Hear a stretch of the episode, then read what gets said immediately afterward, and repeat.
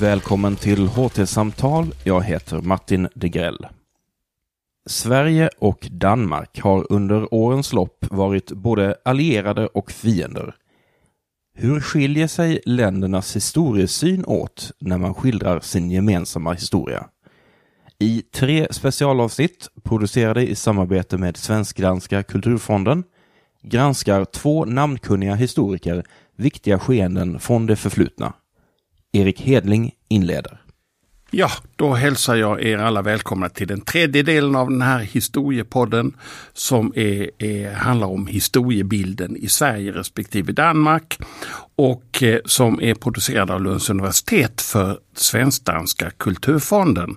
Och jag heter Erik Hedling, jag är professor i filmvetenskap på Lunds universitet.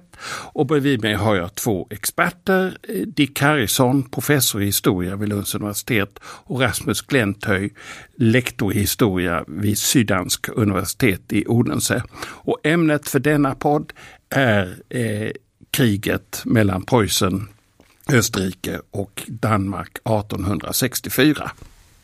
Altså, dansk historie handler om at tabe, modsat svensk historie, som handler om at vinde. Men hvis der er et nederlag, som virkelig bider sig fast i danskerne, så er det nederlaget i 1864. Uh, øh, her er staten på afgrundens rand. Når man spørger politikere i dag, når man spørger danskere i dag, uh, så er det basalt set her, at det er skæbnestunden her. Uh, og det skyldes, ifølge den gængse fortælling, dansk idioti. Man tror, man kan slå prøjserne, man tror, man kan slå østrigerne. Man er tændt af en, øh, en enorm nationalisme, øh, som er født ud af den første krig omkring Slesvig, og nu tror man, man kan slå prøjserne. Øh, så al udenrigspolitik i de sidste 150 år øh, trækker på de lektioner, man mener, man kan drage af 1864. At der så er meget få, hverken af øh, diplomaterne eller politikerne eller andre, der egentlig ved, hvad der skete i 1864. Det er så en anden ting. Øh, essensen i det her er, at øh, man havde en sammensat stat, den var dansk, den var tysk. Det blev holdt sammen med enevælden. Enevælden falder, og folket skal have magten. Spørgsmålet er blot, hvem er folket i en stat, der har to folk? Man vil dele sig dansk og tysk, men midt imellem, der er hertugdømmet Slesvig, som både er dansk og som tysk. Begge parter vil have det, og det udkæmper man så to krige om. Uh, og den første går det okay, og den anden går så helt galt. Og det er så koblet sammen med skandinavismen, fordi danskerne for at kunne overleve det her tryk fra Tyskland, som er mange gange større øh, end Danmark er, der søger man tryghed i skandinavismen. Så det er tæt forbundet med den her forbrødring, der sker på 1800-tallet mellem danskere, nordmænd og svenskere, øh, hvor at man fra dansk side af ser den ydre fjende som Tyskland. I Sverige er det nok mere russerne, som man er bange for her. Øh, og faktisk går man så langt, så at man, man får lavet en alliance, en militær alliance i øh, høsten af 1863, som dog aldrig når at blive ratificeret, før den danske konge dør. Øh, og det gør, at den ikke træder i kraft. Uh, og det er derfor, man fra den side af føler sig svigtet i skæbnestunden, fordi at man forventede, at man skulle kæmpe ved Dannevirke sammen med svenskerne, sammen med nordmændene mod skurkene i historien, tyskerne. Mm. Och det hade man gjort också om den svenska kungen hade fått bestämma. För det här kriget har en helt annan minst lika viktig funktion, en helt annan funktion i svensk historia.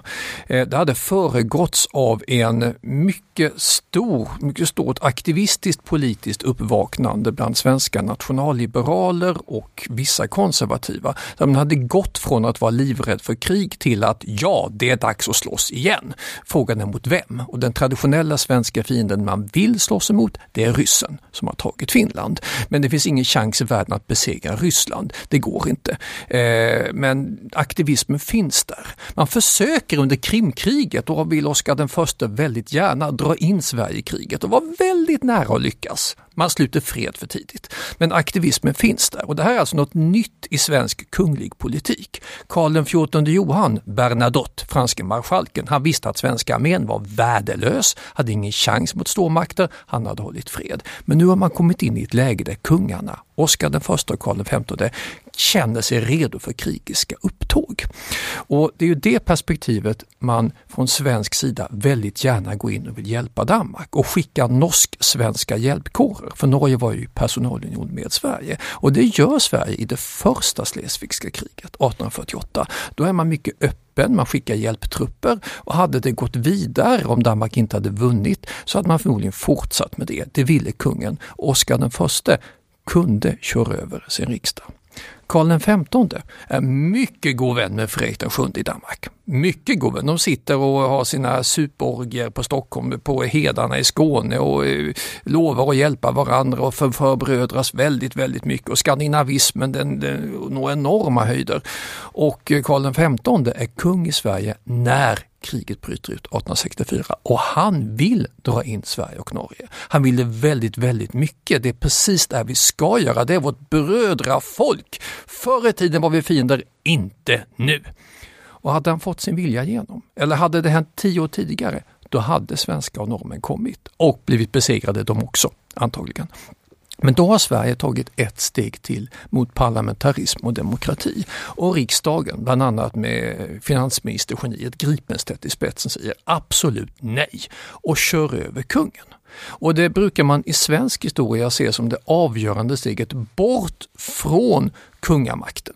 Kungen kan enligt regeringsformen styra utrikespolitik och krig men här blir han besegrad och tvingas retirera. Och det är begynnelsen, den egentliga begynnelsen på vägen mot vad som sen blir svensk demokrati eftersom man inte fick hjälpa Danmark. Och det här leder till en enorm förstämning bland svenska skandinavister som hade trott att man skulle iväg och hjälpa till. Som hade verkligen velat vara där på Dannebäcke tillsammans med danskarna. Tack och lov kan man säga fick de inte det, för svenska armén var om möjligt ännu sämre än den danska och skulle inte haft en skuggan av en chans. Men för skandinavismen som politiskt projekt var ju det här dödsstöten. Idealismen, konservatismen och högtflygande tankarna led skeppsbrott, realismen inträdde och marschen mot nutiden startade.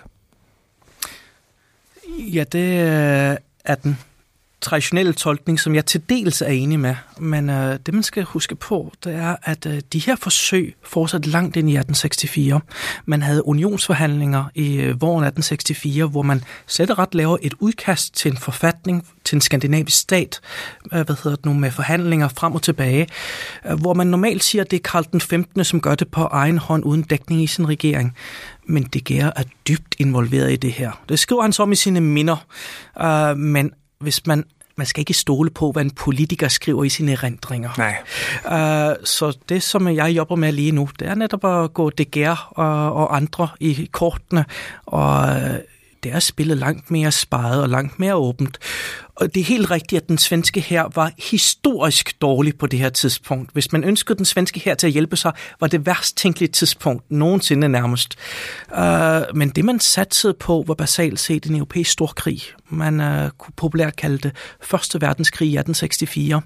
Uh, øh, man ønskede at få Storbritannien ind, man ønskede at få Frankrig ind, uh, og man ønskede at få italienerne ind. Og italienerne ville frygtelig gerne med her. Uh, franskmændene ville også gerne, hvis de kunne få en grænse ved Rhinen. Britterne ønskede det basalt set ikke, men de følte sig moralsk forpligtet. Uh, så der er et meget spejet spil, som foregår her i første halvdel af 1864, som godt kunne være gået anderledes. Så situationen er nok langt mere åben, end man har gjort den til i den traditionelle historieskrivning, hvor at danskerne kun har set på, hvad der foregik i Danmark. Svenskerne har været lidt bedre til at se på, hvad der skete i Danmark, men ikke altid forstået, hvor internt splittet af danskerne var, øh, og nordmændene har gået op i Norge. Mm. Uh, så det, jeg, jeg tror, vi står foran at måske revidere dette. Uh, ja. Det låter jättespännande. Jag är helt inne på att jag har en spännande linje här framåt. För den vanliga uppfattningen i Sverige är att nu skrotar vi skandinavismen, nu blir vi nationalister istället. Och svenskar visste knappt vad svenska var för något då. Det gör de på 1870, 80, 90-talet. Så att man lägger ner tanken på någon sorts gemensam Norden och så börjar man utvecklas mot Sverige. Men precis som Rasmus säger, det är säkert mycket mer komplicerat än så. Ta som exempel när man bygger Sveriges största etnologiska museum, Nordiska museet. Då heter det inte Svenska Nordiska museet, det heter Nordiska och det är senare. Och Sverige är en av få länder som har en nationalsång som inte ens nämner Sverige. Eh, det nämner Norden. Det enda nationalsång som nämner Sverige det är den polska och det är inget snällt omnämnande alls. Det är Karl X och Gustav som spökar. Eh, så ser man ur det perspektivet så är det här förmodligen en händelse som vi kommer att få rota mycket, mycket mer i i framtiden. Ja, Altså det vi skal huske på, det er, at øh, de nationale identiteter, vi har i dag, og de har måske øh, rødder langt tilbage, men i den moderne forstand blev de for alvor udviklet på 1800-tallet.